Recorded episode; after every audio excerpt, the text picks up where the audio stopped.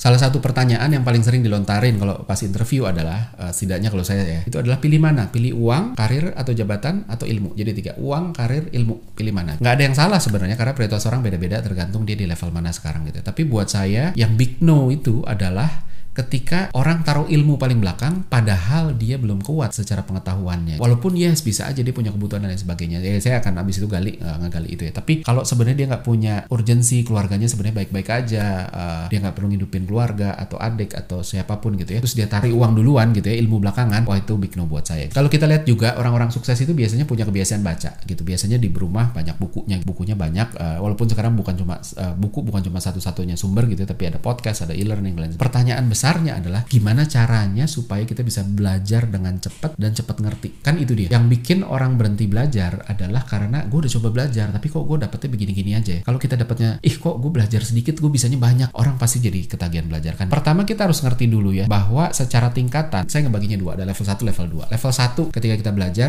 kita mencapai level 1. Itu adalah kita hafal. Orang bisa hafal tapi belum tentu ngerti. Contohnya apa? Bahasa Inggris. Orang Amerika, orang Inggris itu banyak yang hafal dan fasih ngomong bahasa Inggris tapi kalau ditanya kenapa strukturnya begini? Dia belum tentu bisa jawab. Kenapa? Karena mereka dari lahir bahasa Inggris. Mereka mungkin aja nggak belajar secara struktur. Jadi kalau ditanya kenapa begitu strukturnya nggak tahu. Atau bisa juga misalnya contoh, saya pindah ke kota. Misalnya saya pindah ke Australia, gitu, ke Perth gitu. Terus habis itu saya punya apartemen di sana. Terus habis saya kerja di pusat kota. Terus habis itu saya tanya, eh gimana caranya saya ke kantor saya nih? Dikasih tahu, ini nanti kamu naik bis dari nomor segini, terus turun di situ, terus kamu ganti kereta, terus habis turun di situ, terus nyampe deh kan. Nah setiap hari kita lakuin itu terus sampai kita apal. Bahkan ketika 10 tahun kita di sana, ya kita nyampe nyampe dan kita apal. Tapi apakah saya bisa dibilang saya ngerti per? Enggak.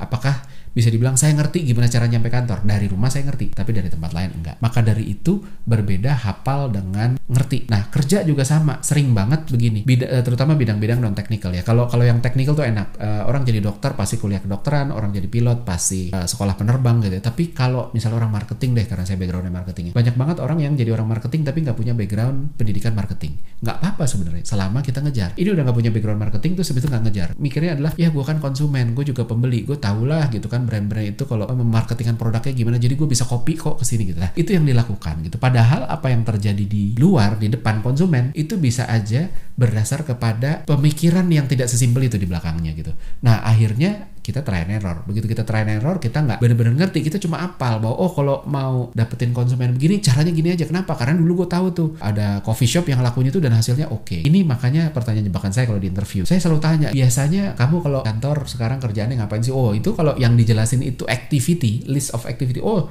saya begini, itu, ini, itu, ini, itu, ini, itu. Ini, ini jebakan karena buat yang interview jebakan ya maksudnya. Karena dia bisa amat sangat meyakinkan, dia bisa melakukan banyak hal dengan hasil yang oke, okay, meyakinkan banget kan. Terus habis itu kita jadi baik, oh nih orang yang kita butuhin. Padahal dia ngelakuin itu belum tentu karena dia tahu goalnya akan ke sana. Bahwa secara kebetulan itu nyampe bisa aja. Itu satu. Yang kedua adalah bisa jadi dia tahu bahwa itu akhirnya ke situ. Tapi dia tahunya dari mana? Karena dia udah pernah ngelakuin atau karena bosnya pernah ngelakuin itu. Tapi bukan kepada eh ini gue giniin supaya begini dan hasilnya begini. Jadi bukan dengan struktur berpikir yang benar dan itu yang kagok. Nah, akhirnya begitu didalemin gitu kan. Terus itu efeknya apa sih? Kenapa kamu ngelakuin ini untuk dapetin itu gitu? Kita coba ngegali why-nya gitu ya. Akhirnya biasanya uh, jawabannya jawab, jawaban normatif. Kalau orang marketing ditanya kamu bangun brand gimana ya kita harus ngerti konsumen. Habis itu kita dapetin positioningnya terus habis itu kita komunikasiin. Yes itu benar nggak salah tapi nggak cukup dalam dan nggak cukup kasih jawaban tentang ini orang sebenarnya ngerti marketing apa nggak. Sama kayak debat capres yang debat capres kan selalu ngomong apa? Oh program saya adalah mengentaskan kemiskinan, membuka lapangan pekerjaan, memperbaiki ekonomi. Emangnya ada capres yang bilang oh plan saya adalah saya mau nambah kemiskinan gitu. Dan saya mau mengurangi pekerjaan gitu. Kita ganti robot terus habis itu ekonomi biarin aja lah masing-masing. Kan nggak ada. Nah tapi pertanyaannya adalah yang menjawab tiga itu pun juga belum tentu terus habis itu uh, ngerti. Apalagi yang enggak jadi banyak banget ketika di, di level satu ini jebakan. Banyak banget yang ngerasa oh gue udah bisa. Kenapa? Tuh gue udah ngelakuin banyak hal dan hasilnya ini. Kita ngerasa bisa terus karirnya naik tapi begitu marketnya berubah kita struggle begitu pegang industri atau produk yang nature-nya beda nggak jalan deh apa yang udah dia lakuin. Dan terus bingung aduh kok begini ya? Kok begitu? Timnya pun akan bisa ngerasa rasain dengan cara apa?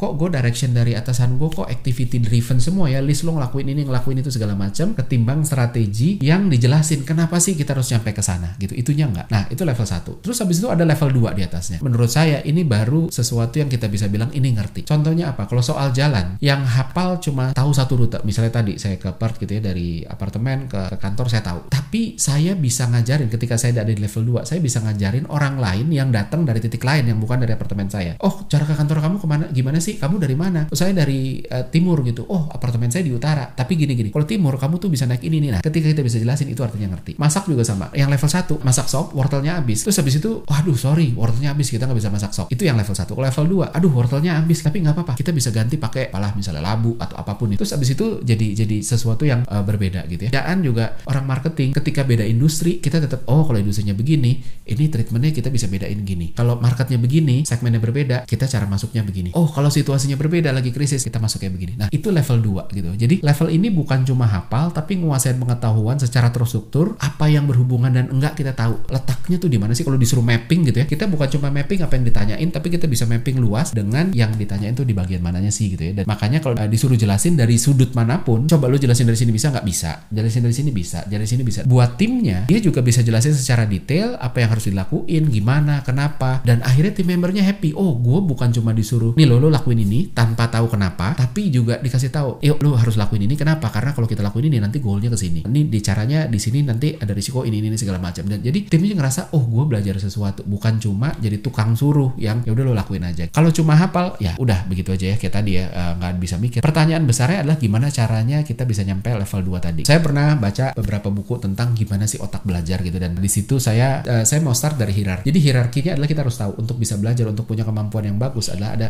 paling atas adalah mindsetnya benar dulu. Mindset ini kalau ini komputer ini adalah Windows-nya atau Mac OS-nya, operating systemnya lah. Tanpa ini sisanya nggak bisa jalan. Jadi kalau mindsetnya nggak ada, sisanya nggak bisa jalan. Yang level kedua adalah knowledge-nya. Ini pengetahuannya. Kalau komputer ini software-nya, Microsoft Office-nya atau ada Photoshop-nya atau apa pun ini. Tapi bahkan punya ini nggak bisa nggak jamin kita bisa jalanin. Contoh orang ada yang punya, oh gue punya Apple MacBook Pro, ada Mac OS-nya, ada Photoshop-nya, terus apa abis itu lo bisa ngedit foto? Belum tentu juga. Nah baru yang ketiga itu skillnya. Ini yang keterampilannya, kefasihan ngoperasiin software. Jadi ketika kita punya tiga ini, maka selesai lah. Kita bisa dibilang, oh ini orang udah di level 2 yang tadi gitu ya. Contoh real, mindset itu bahwa di marketing itu kita harus punya mindset misalnya ya. Konsumen itu unik, kita harus mau terbuka, lihat dari perspektif lain. Perspektifnya konsumen tuh kan macam-macam gitu ya. Nah, tanpa ini kita nggak bisa bikin positioning. Karena positioning adalah tentang bisa nempatin produk kita dari perspektif konsumen. Kurang lebih dia akan ngeliatnya kayak apa sih gitu. Sehingga yang pertama adalah mindsetnya dulu. Kalau kita bukan orang yang fleksibel, yang terbuka sama perspektif lain, maka nggak akan pernah bisa bikin positioning yang bagus. Yang kedua adalah knowledge. Ini pengetahuan teknisnya. Definisi positioning itu apa sih? Positioning adalah menempatkan produk atau brand kita dari perspektifnya si konsumen sehingga menarik buat konsumen, relevan buat konsumen. Kalau mindset tadi nggak sejalan, ini nggak bisa jalan. Ketika mindset udah punya, knowledge-nya udah punya, good gitu ya. Tapi apakah bisa bikin? Enggak. Banyak banget orang marketing dan orang bisnis tahu definisi positioning, punya mindset terbuka, tapi tetap nggak bisa bikin positioning yang benar. That's why makanya perlu skill. Skill ini adalah latihan untuk ngasah, terus bikin positioning tadi, lama-lama makin tajam, makin tajam, makin tajam, dan proses otak mulai connecting the dot dan bangun struktur yang pas untuk bisa automate. Jadi kita baru bisa dibilang level 2 ketika otak udah bisa automate ini dan ketika berubah-berubah semuanya automate. Level 1 ini belajarnya adalah repetisi. Kalau mau jadi level 1 repetisi aja, ngulang-ngulang aja. Apa pun yang diulang lama-lama akan disimpan otak sebagai sesuatu yang kita perlu apalin karena kemungkinan besar nanti akan terjadi lagi. Makanya lo harus ingat gitu ya.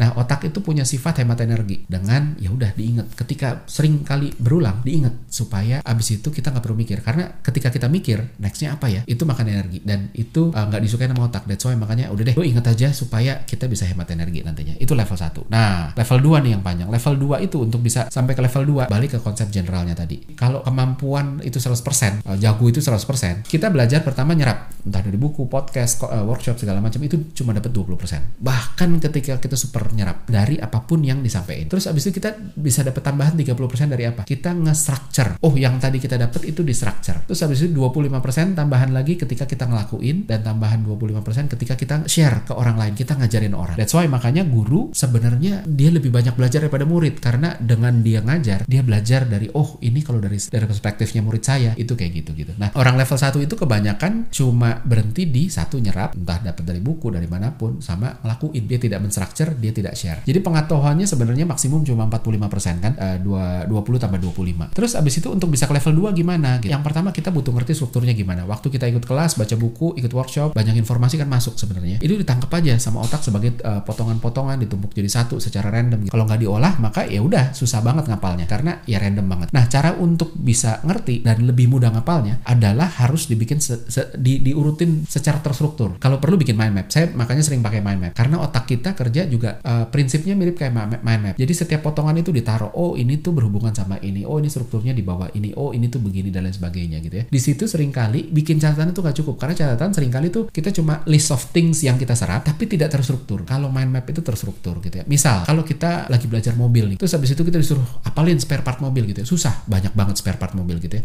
Uh, sebutin sebanyak-banyak spare part mobil. Wah kita susah banget gitu. Tapi ketika kita udah bikin mind mapnya kita jadi lebih gampang. Kita tahu uh, bagian mesin tuh ada apa aja sih bagian kaki tuh ada apa aja sih bagian interior apa aja kelistrikan apa aja. Jadi kita bisa tahu oh bagian ini kita belum nih masih kurang nih kayaknya masih banyak. Nah jadi walaupun tetap nggak akan ingat semua juga ya tapi kita bisa ingat lebih banyak gitu karena strukturnya ngerti. Termasuk kita bisa problem solve lebih kuat. Misal contoh kalau kita nggak ngerti secara strukturnya gitu ya mobil tuh gimana komposisinya. Begitu mobil ada orang datang eh ini klakson gue kok nggak bunyi ya? Kenapa ya? Kalau orang nggak ngerti waduh apa ya? Bensinnya habis kali? Oh mesinnya rusak kali dan sebagainya. Mesinnya mati kali. Padahal uh, klakson itu tetap bunyi bahkan ketika mesin mobil mati kan gitu ya. Nah tapi ketika kita tahu secara struktur bahwa oh klakson itu uh, secara struktur itu di bawah kelistrikan sehingga kalau dia nggak bekerja yuk yang dicari. Masalahnya adalah di bagian kelistrikannya bukan di mana-mana. Nah itu tadi. Jadi kita butuh ngestrukturin itu terus habis itu latihan untuk share pengetahuannya ke orang lain gitu. Mungkin beragam orang yang pernah kita share yang kita ajarin itu makin kita ngerti. Karena ketika kita share ke orang kita berusaha untuk ngerti angle-nya dia se sehingga kita bisa bantu dia ketemu nih ini loh yang saya mau jelasin gitu. Dan dari situ kita ngelihat dari angle-nya dia. Nah makin banyak orangnya makin banyak perspektifnya sehingga bikin kita jadi lebih ngerti. Sama kayak kalau orang masak nih saya chef gitu ya tapi saya cuma bisa masakan Jepang. Itu kemungkinan besar tidak lebih jago daripada orang chef yang bisa masak mak makanan macam-macam. Karena abis itu wawasannya banyak oh ini tuh gini oh strukturnya kayak gini dan lain sebagainya. Dia jadi lebih tahu. Dan itu sebenarnya ngajar itu itu ngasih kita konteks. Karena orangnya